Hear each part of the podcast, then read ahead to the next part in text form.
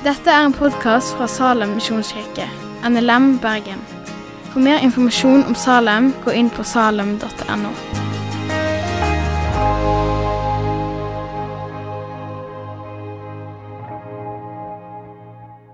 Vi skal begynne med å be um, i dag. Og så ber vi for det vi har fått inn. Eh, og så kan vi be for eh, Ole Magnus og Synnøg. Herre Far,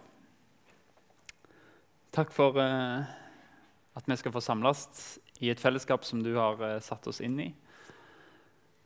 Takk for at uh, vi kan få si at vi er én kropp.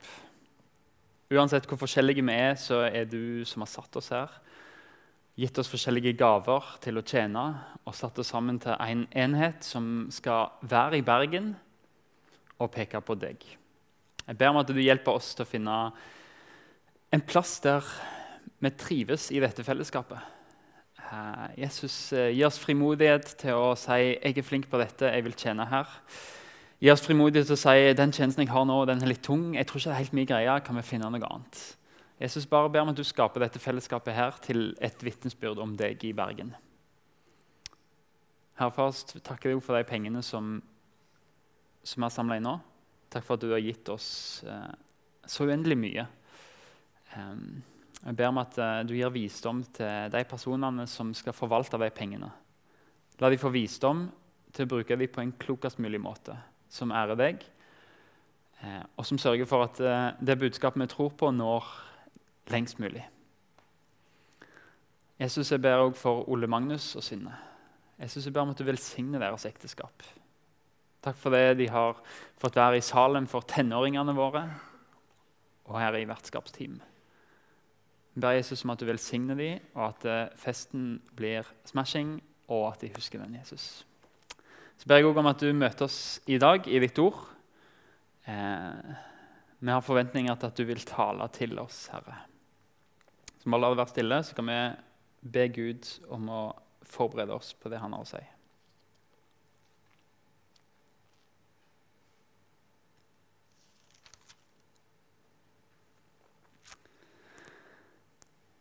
Amen. Dere kan få slå opp eh, biblene deres eller telefonene deres på 2. Korint... Nei, jeg sier 2. Korint... Galaterbrevet 2, vers 11 og utover. Um, og dagens avsnitt det er superaktuelt. Um, for i kristenheten i Vesten i dag så finnes det veldig mange situasjoner som ligner på akkurat det vi skal lese om. Før, og før jeg starter, så har jeg lyst til å jeg bare lyst til å anbefale to ting. For når jeg har jobba med Galaterbrevet, så har jeg brukt ei bok som heter John Stott, 'The Message of the Galatians'. På norsk heter den Galaterbrevet, gitt ut på Lunde forlag i 1994 og ser ut som 1994. Men eh, den finnes ennå på engelsk. The Message of Galatians. Du, det er ikke en vanskelig kommentar, ikke en teknisk, den er kjempelett å lese og ufattelig bra. Eh, i det hele tatt John Stott. Hvis han skriver noe, så er det som regel veldig vist. Det andre jeg har lyst til å anbefale dere, det er noe som er en moderne versjon av Galaterbrevet. Fordi det skjer i dag eh, i kristenheten i Vesten at dessverre at det fins budskap som ikke helt stemmer overens med det vi leser i Bibelen. Eh, og Noen eh, faktisk sosiologiske forskere har funnet ut hva tror eh, evangeliske kristne på i USA og de fikk en masse spørreundersøkelser, så ser de at når de, når de finner alle svarene på alle ungdommer, hva de tror på, og det som egentlig påvirker vår kultur i stor grad, med lovsang fra USA og forskjellige miljøer, og litt sånne ting, så ser de dette er jo ikke kristendom. Dette er noe helt annet. Folk tror på noe som ikke står i Bibelen, men, men de tror på noe som ble kalt for moralistisk, terapeutisk deisme for å bryte den her. Moralistisk. Det er for det første så tror de på at det er noe som sier hvis du bare oppfører deg bra nok, så får du nåde. Bare oppfør deg fint. Eh, du er god, sånn, bedre enn gjennomsnittet, så kommer du inn i himmelen. Moralistisk tro. Det andre er terapeutisk. det er at Du har en gud som skal sørge for at du blir lykkelig. At eh, du får det sånn som du vil ha det. Med en gang det som står i Bibelen, ikke klaffer helt med det du føler, og det du har lyst til, så bare stenger du det ute og tar ikke det som god fisk. Moralistisk, terapeutisk, deisme. Det siste er at det, det, er en tro på Gud som bare har skapt verden, og som har sagt ok, greit, that's it, jeg trekker meg unna. Deisme, ikke ikke at de tror på Bibelens Gud, men en Gud som trekker seg unna, og som ikke blander seg inn i verden. Du får greie deg sjøl. Eh, han vil at du skal være lykkelig, og bare fiks det sjøl. Det er det som rører seg i veldig mange kristne miljøer. Og et oppgjør med det, sånn som skjer i, i Galaterbrevet, i den teksten vi skal lese, så er det et oppgjør med noe som ikke stemmer overens med evangeliet. Et oppgjør med det er en dokumentar som heter um, The American Gospel Christ Alone. Dokumentar som ligger på Vimeo eh, og på Amazon. Den koster litt å leie eller å kjøpe. Jeg leide den, angrer på at jeg ikke kjøpte den. 8,9 på IMDb, men i rettferdighetens navn det er bare ca. 300 som har stemt. så eh, vi skal ikke ta det for Den forteller kanskje litt om målgruppa. Men det er en moderne versjon rett og slett, av det vi ser i dag. Noen som tør å stå opp og si dette er ikke evangeliet. Men tilbake igjen til evangeliet. Galaterbrevet, mente jeg. Vi skal samle inn penger til Norge òg etterpå. Eh, tilbake igjen til Galaterbrevet. Paulus skriver et brev til menigheten i Galatia. Fordi det er, der sneker seg inn noe som han kaller for vranglære. I dette tilfellet så, det, så, kalles det for judaisme. Det vil si at eh, det var noen som mente at kristne måtte omskjære seg for å kunne, eller hedninger måtte omskjære seg og bli jøder, og så kunne de bli kristne. De måtte gjøre noe, så kunne de bli frelst av nåde ved tro.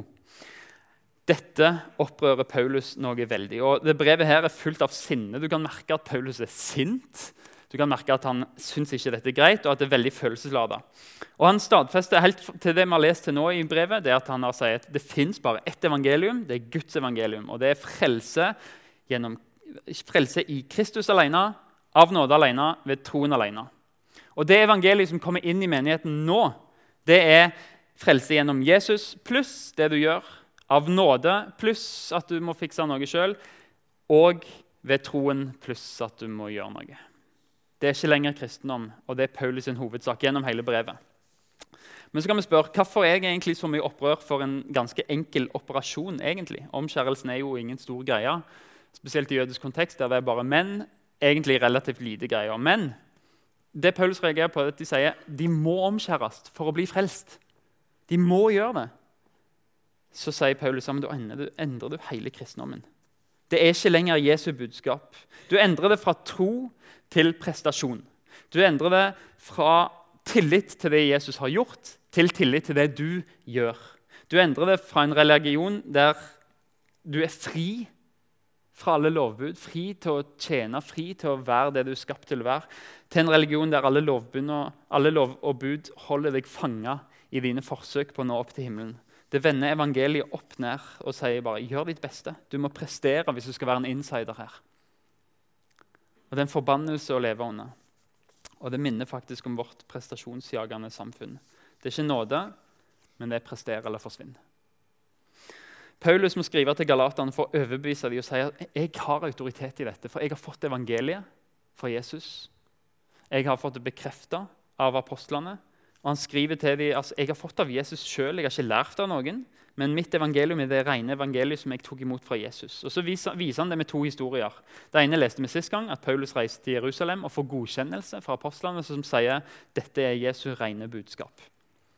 Når Paulus la fram for dem sitt evangelium, og Han hadde til og med med seg en medarbeider som ikke var omskjært, så sa apostlene i Jerusalem, de som hadde gått tre år med Jesus, de sa og ga han hånda og sa dette er evangeliet. Dette kan du forkynne. Dette er riktig. Dette er sant.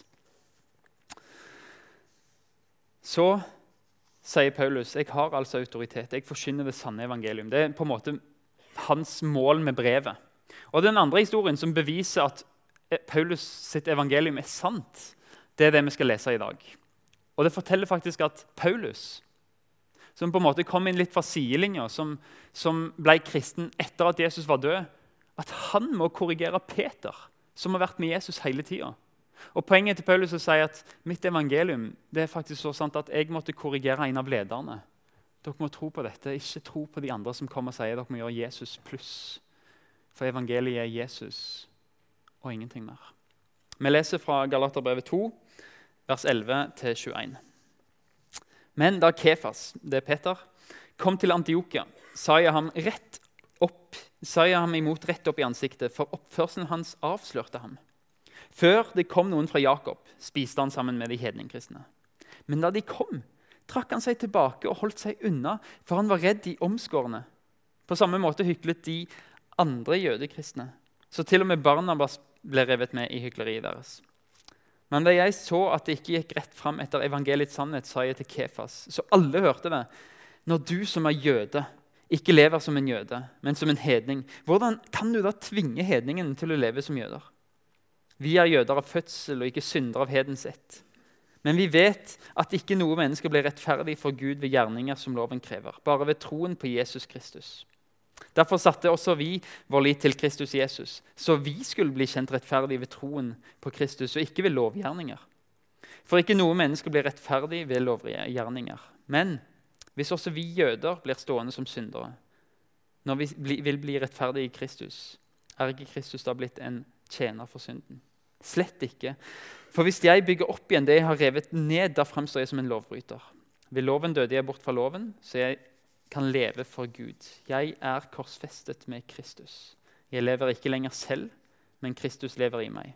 Det livet jeg nå lever som menneske av kjøtt og blod, det lever jeg i troen på Guds sønn, som elsket meg og ga seg selv for meg. Jeg forkaster ikke Guds nåde. For hvis vi kan oppnå rettferdighet ved loven, da døde jo Kristus til ingen nytte. Jeg har lest denne teksten mange ganger. Og noen ganger skal jeg ærlig innrømme, før jeg liksom i denne uka her har dykka litt ned i og sett hva det egentlig som skjer her, så er det liksom sånn Hva er det som skjer? Har ikke peiling. Bare lese videre. Eh, men når en setter seg ned i og for, for, bare, ikke være, Jeg skal forklare hva som skjer, fordi det er en vanskelig tekst. Det er ganske vanskelig å forstå hva som skjer. Paulus blir sint. Han skriker Peter opp i ansiktet. Der har vi en fin sånn grafikk på kirkeledere som står og bråker. Men hva var det Peter gjorde? Egentlig starta han verdenskrig. Det hadde blitt første verdenskrig, forresten. Ikke tredje. Men den episode som skjer mellom de to øverste lederne i urkirka, og som er avgjørende karakter for den kristne troen Peter kommer for å besøke Paulus i Antiokia. Peter kommer fra Jerusalem opp til Antiokia, en annen by, en viktig by. Og vi må ha i bakhodet at Peter er jøde. Paulus er jøde. De har gått i synagogen helt siden de var bitte, små. De har vært gjennom katekismer med måltider der faren spør hva betyr dette Peter, og så må Peter svare, og så skal Peter stille et spørsmål, og så skal faren svare. og sånn. Lært opp i jødisk tro hele tida. De har fått bar mitzva. de har levd i en gjennomsyrisk jødisk kultur. Begge to omskjært og har vært vant med å følge jødiske skikker helt til de var små. De har vasket hendene til alle måltider. De har, familien har ofra de ofrene som skal ofres. Det ligger altså så djupt i deres historieidentitet. De er jøder. Både Paulus og Peter de har vokst opp på bedehus og vært med på alle dugnader. De har kanonspråket inne, de går i kofta, og så blir de overlykkelige hvis det er aspikk på basaren. Det er Paulus og Peter. Super jødiske, eller superkristne, som noen vil si. Men Peter har fått se én ting. Før han kom til Antiokia, så har Gud vist ham noe. Det kan du lese om i apostelgjerningene 10 og 11. Gud har vist Peter at det er ikke forskjell på jøder og hedninger lenger. Når Jesus kom, så brøyt han ned det skillet. Det, går, det, er ikke sånn at en jøde som er med en hedning lenger, blir urein. For sånn var det før. Du kunne ikke spise med en hedning fordi du ble urein.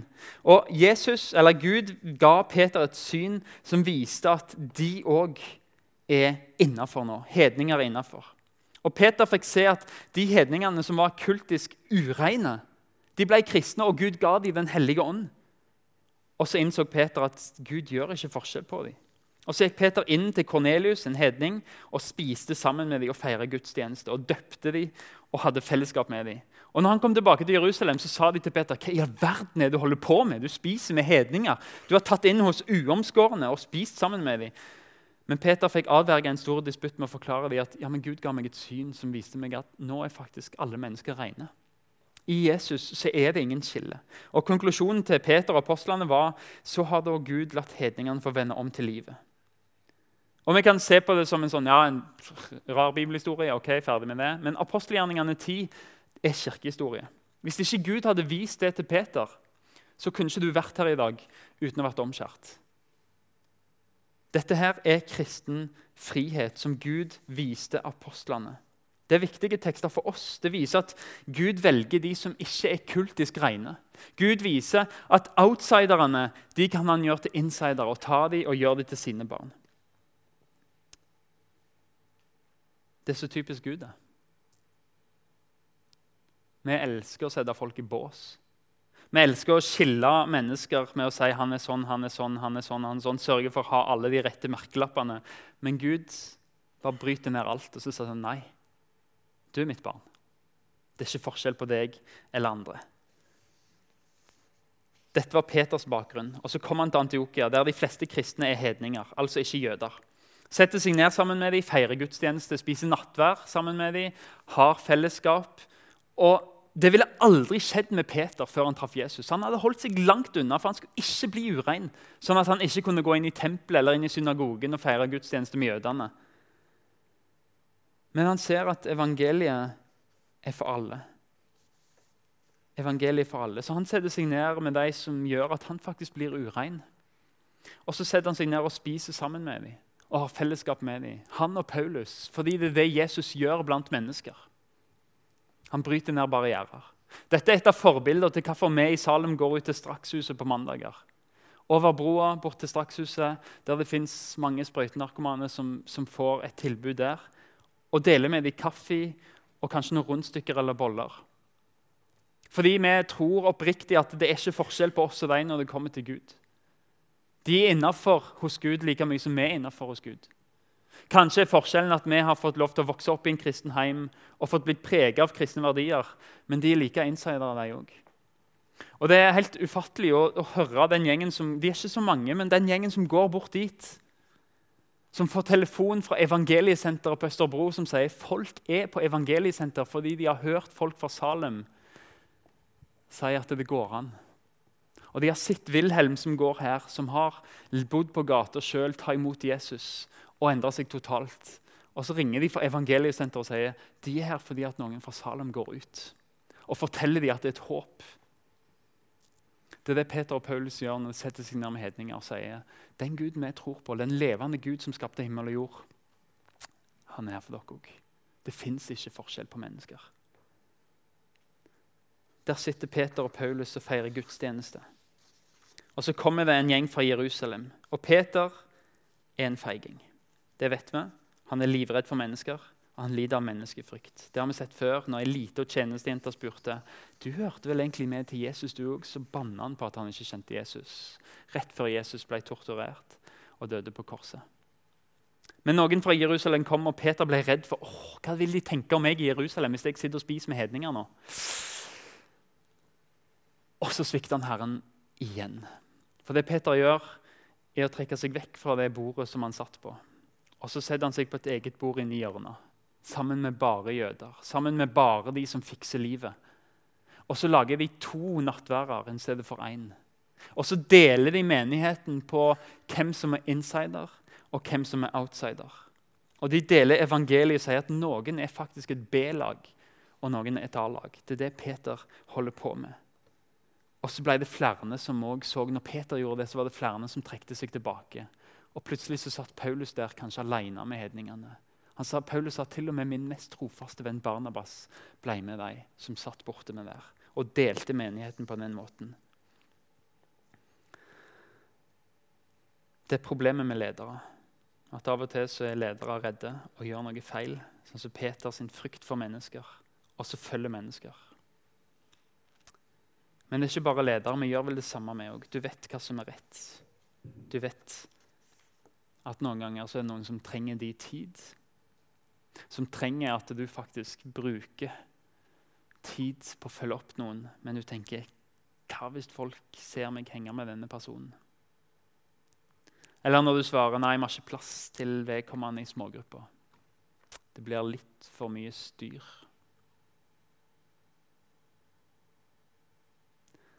Paulus tar et kraftig oppgjør med Peter. Det du gjør, det er ikke tro mot evangeliet. Du handler ut av frykt. Peter. Du sier at folk må omskjæres for fellesskap.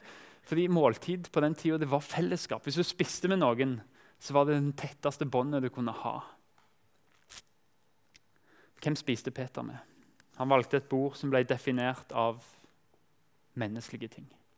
Han valgte det kosher-bordet. Han valgte der de som hadde vokst opp i synagogen, som hadde alt på stell, som hadde stamtreet, som hadde absolutt alt perfekt, de ville jeg være på A-laget. Det er motsetningen til Antiokia. Antiokia, der de var når dette skjedde. Jeg vet ikke om du har lest om det i apostelgjerningene 13, som står det faktisk hvem lederne i Antiokia var. Det var en kar som kom fra Europa. Det var en kar som kom fra Lille-Asia. Det var to fra Afrika, en av de sør for Sahara. Det vil si at I Antiokia i menigheten så var lederskapet faktisk multikulturelt. Det var forskjellige hudfarger i menigheten i Antiokia. Og Det var faktisk sånn at det var der folk begynte å kalle disiplene for kristne. fordi de så på menigheten i Antiokia, og så sto de utafor og tenkte Hvem er dette her? Vi samles ikke sånn som dette. Der er romerne, der er grekerne, der er jødene. Men hvem er dette? Og så så de det, det er ingenting felles med den menigheten her. Og så fant de bare én ting som var felles. Det var ett navn, og det var Kristus. Og så begynte de å kalle det for kristne. Småkristuser. For det var det eneste som bandt den menigheten sammen. Det var navnet Kristus. De var totalt forskjellige. Og så begynte folk å kalle dem for kristne. Midt oppi der så sitter Peter her. Kom her. Vi er vår gjeng. De der vi kan ikke ha Nei, vi er oss. Vi er A-laget. Og midt i der er det Paulus sier. Jeg skreik han i ansiktet. Dette brøyt med hele Peters oppvekst, og Paulus sin òg.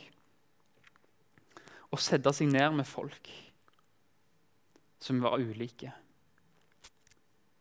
Men Paulus roper han opp i ansiktet og sier på moderne så sier han Peter, evangeliet er viktigere enn tradisjon og kultur. For evangeliet det former sin egen kultur. Evangeliet er sjenerøst, inkluderende, det er inviterende. Det bryter ned forskjeller. Det er den kulturen som evangeliet Det er den kulturen som skal få lov til å sette seg i en menighet. I deg som kristen skal den kulturen få sette seg. For evangeliet former oss til å bli mer lik Jesus. Og Gud vil at du skal vite om denne konflikten. Det er derfor den er i Bibelen. Evangeliet sto på spill, og noen sto opp og sa stopp. Paulus sa til Peter dette er ikke å gå fram etter sannheten. Dette er ikke sannhet, Peter. Den episoden vi leste om her nå, det, egentlig, det, handler ikke så mye om Peters doktrine. For Peter og Paulus hadde nok snakka sammen om det som Peter hadde opplevd i apostelgjerningene 10, at, at Gud hadde vist ham at til og med hedningene får Den hellige ånd. Peter trodde det. Men problemet Selv om de to var enige at ok, hedningene skal få lov til å bli kristne uten at de skal omskjæres, det er bare nåde ved tro, de òg Problemet til Paulus det var å si til Peter Peter, du lever ikke denne sannheten nå. Nå lever du en helt annen sannhet enn det du forkynner. Og her er det noe for oss. Fordi evangeliet skaper frukt i et fellesskap og i enkelte kristne. Et fellesskap som er forma etter evangeliet. Ei kirke skal være sånn som evangeliet. Vi må handle som det vi tror på. Det er viktig at du ikke tenker alle i smågrupper skal være sånn som meg. Det skal egentlig bare være mine kompiser eller venninner. Evangeliet er mye, mye mer inkluderende enn det. Ikke alle i Salem må gå kledd som meg. Vi trenger ikke ha samme bakgrunn. Vi skal oppføre oss så åpent og så inviterende som evangeliet. Og det kan være irriterende åpent. Det kan være støtende åpent. Men det innebærer at vi må gi en varm velkomst til de som ikke er som deg. De som ikke ser ut som deg, snakker som deg, kommer fra samme bakgrunn eller lukter som deg. Hvis vi skal være ei kirke som er basert på evangeliet, så er nødt til å si at her kan alle være. Og vi må leve som om vi mener det.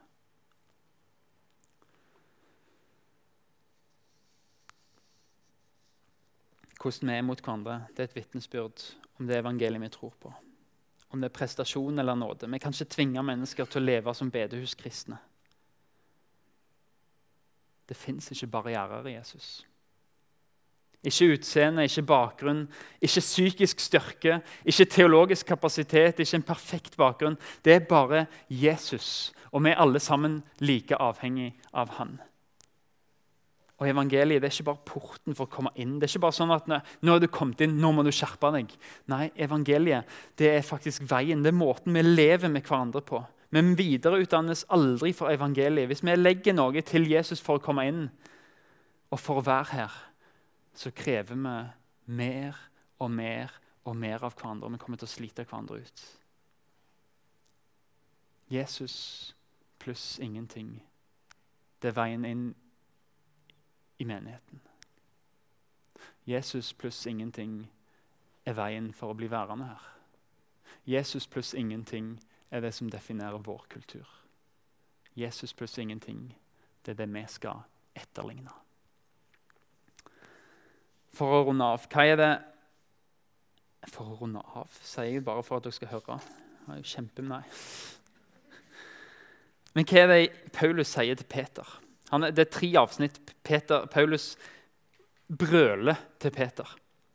For, for, det første så sier han 'du, Peter'. For det andre sier han 'vi', 'oss'. Og for det andre så sier jeg 'jeg, Paulus'. Så han har på en måte tre avsnitt. For, til Peter kjempekjapt. Han sier 'pass på så du ikke tvinger mennesker til å leve sånn som deg for å være kristen'. Ikke svikt sannheten om at Jesus er den eneste veien inn i fellesskapet med andre kristne og med Gud. Ikke lev som om det er noe annet som kreves fordi da legger det byrder på mennesker. Det sier han til Peter. Og så sier han noe om vi oss, altså meg og Peter. Og For å minne Peter om hvor han kommer fra, og for å minne Paulus seg sjøl hvor han kommer fra, og vise at det fins ingen annen inngang enn Jesus, så sier Paulus til Peter Peter, vi to er jøder av fødsel. Peter, vi er vokst opp med renhetsforskriftene. Vi er vokst opp med gudstjenester, vi er vokst opp med bud og regler. Det ligger i ryggmargen vår. Vi er jo ikke syndere av hedensk ett, vi er to. Jeg var til og med en oppriktig jøde som forfulgte kirka og alt. Vi to hadde alt på det rene. Men Peter, vi vet at det var ikke nok. Vi har erfart at vi blir ikke rettferdige på denne måten for Gud. Uansett hvordan bra vi levde, hvordan godt vi presterte, hvordan godt vi fulgte tradisjonene, så opplevde vi fremdeles at vi skyldte Gud noe. Vi var ikke på innsida. Vi hadde ikke fred med Gud. Men Peter, vi fikk se at vi bare kunne bli rettferdige for Gud ved troen på på Jesus Kristus. Derfor begynte vi å tro på han når vi så at han er det eneste som kan gi oss fred med Gud. Peter, De lovgjerningene vi hadde som jøder, de hjalp oss ingenting. Det var en religion som ja, satte folk i bås. Vi hadde noen insider og outsider. Men det var en religion som ikke førte til annet enn det fangenskapet av prestasjon. Peter, vi var jøder. Vi var født jøder.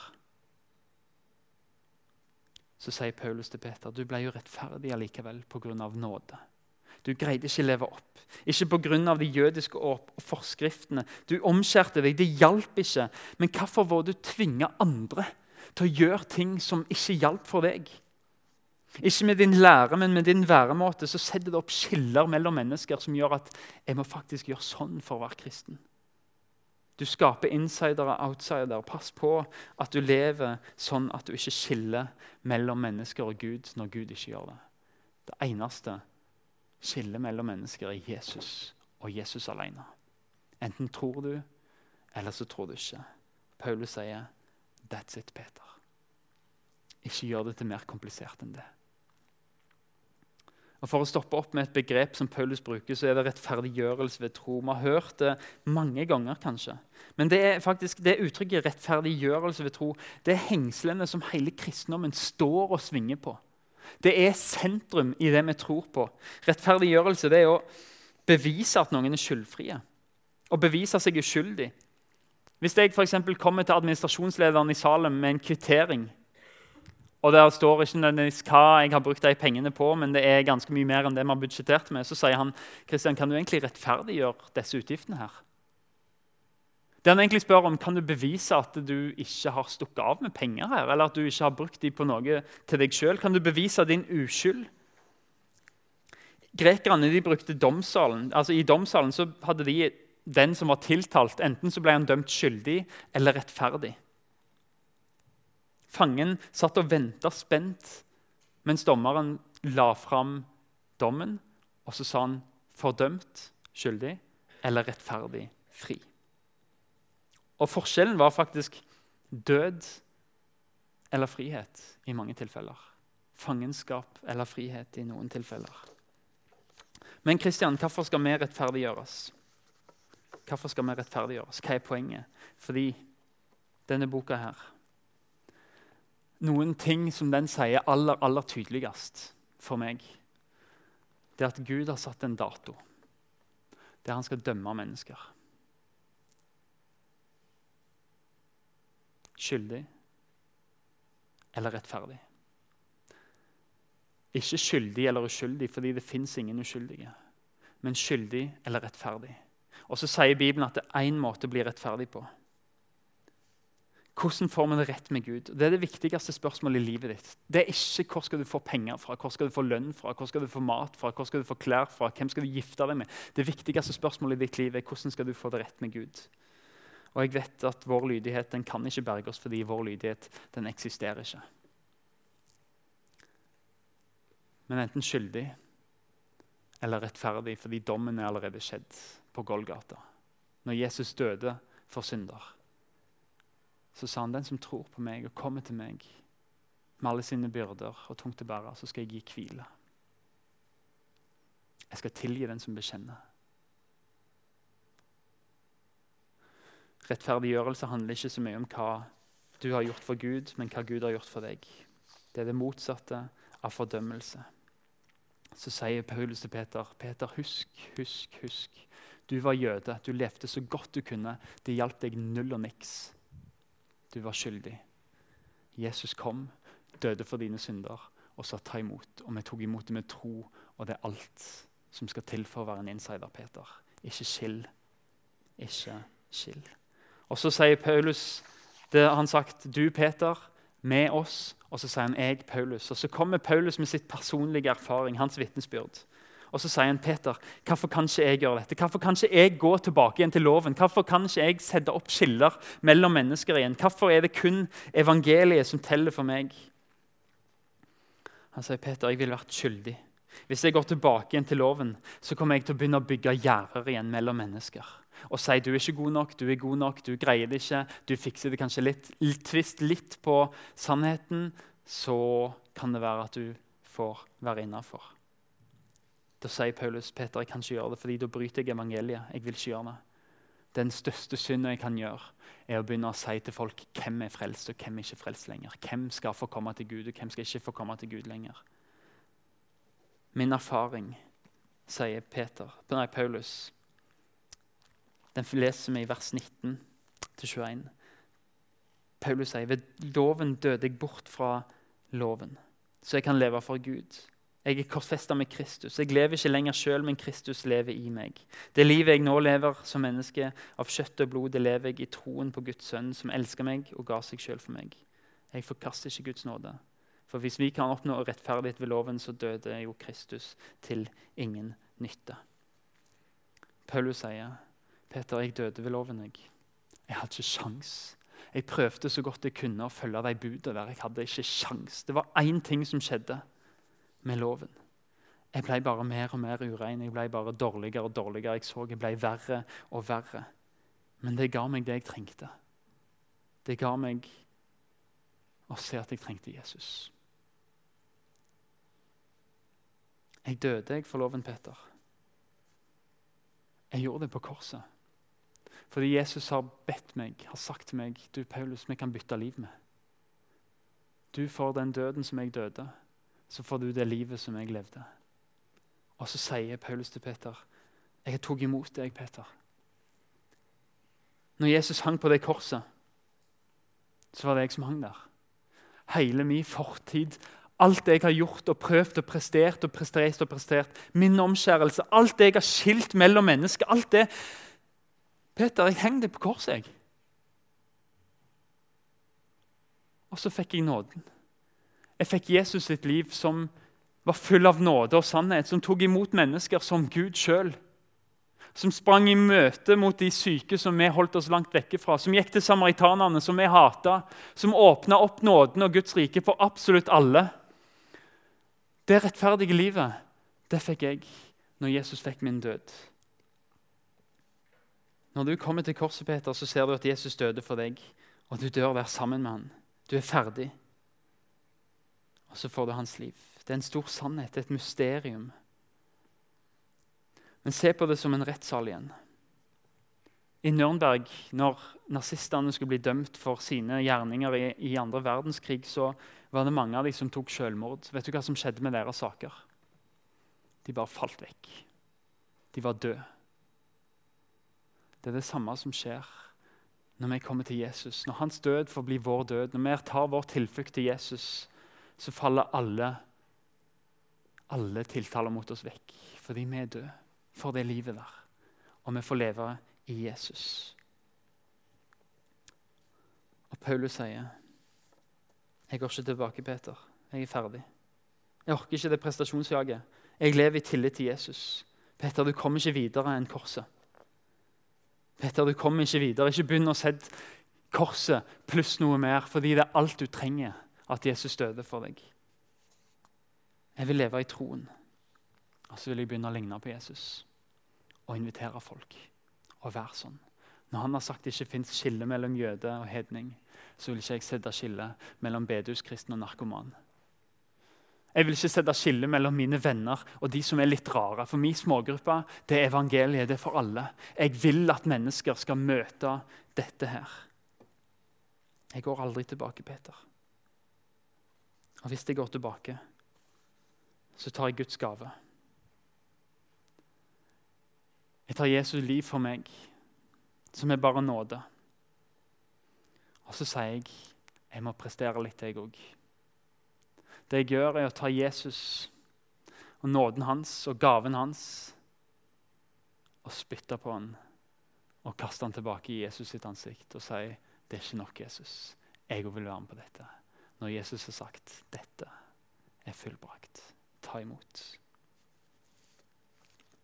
Hvis du prøver å komme til himmelen uten Jesus, så lever du ikke lenger med Jesus. Det er derfor Paulus skriker til Peter og sier, 'Aldri mist av syne, Peter.' Det er dette vi er her for. Salem, aldri mist av syne.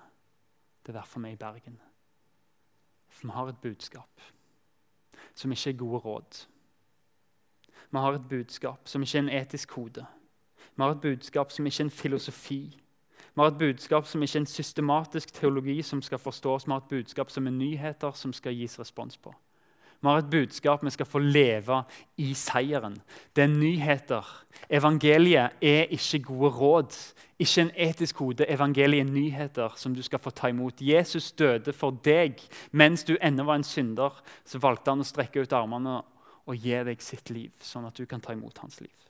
Evangeliet er ikke et guddommelig rehabiliteringsprogram. Det er fullført, stedfortredende arbeid for deg. Herre Far, takk for alt det som du har gitt oss i evangeliet.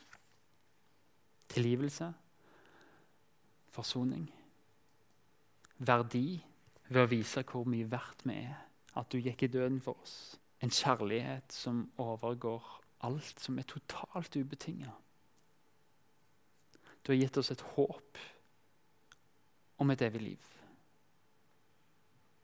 Midt i dødsskyggens dal så har du gitt oss grønne enger å se fram til. Jesus, tilgi oss for at vi begrenser det til de som vi mener er gode nok. Når du kom til de spedalske som ingen ville røre med, og tok på dem. Når du gikk til kvinner som var utro, som alle ville steine. Når du gikk til samaritaner som folk hata. Når du gikk til folk som var i Syria, som var kalt for bikkjer, og du rørte ved dem, helbreda dem. Og Jesus, det skulle gjort deg rein. Nei, det skulle gjort deg urein, Jesus. Men når vi ser at det er du som kommer, så er det spedalske som blir friske. Du blir ikke syk. De ureine blir reine. Du blir ikke urein. Herre Far, la oss få gå med evangeliet som gjør folk reine og hellige og rede for himmelen, Jesus. La oss få tro evangeliet, at det er oss. Fordi jeg er ikke noe bedre enn en samaritan, en spedalsk, en syk, en lam, ei bikkje. Jesus, du kom til meg. Da er det ingen annen som er utenfor. Takk for at du er den originale insideren som sier 'kom til meg'. Den som kommer til meg, vil jeg aldri i evighet støte ut. Takk for at du har hørt på podkasten fra Salem, Bergen. I Salem vil vi vinne, bevare, utruste og sende. Til Guds ære. Vi ønsker å se mennesker finne fellesskap, møte Jesus og bli disippelgjort her i Bergen og i resten av verden. Vil du vite mer om oss, gå inn på salem.no.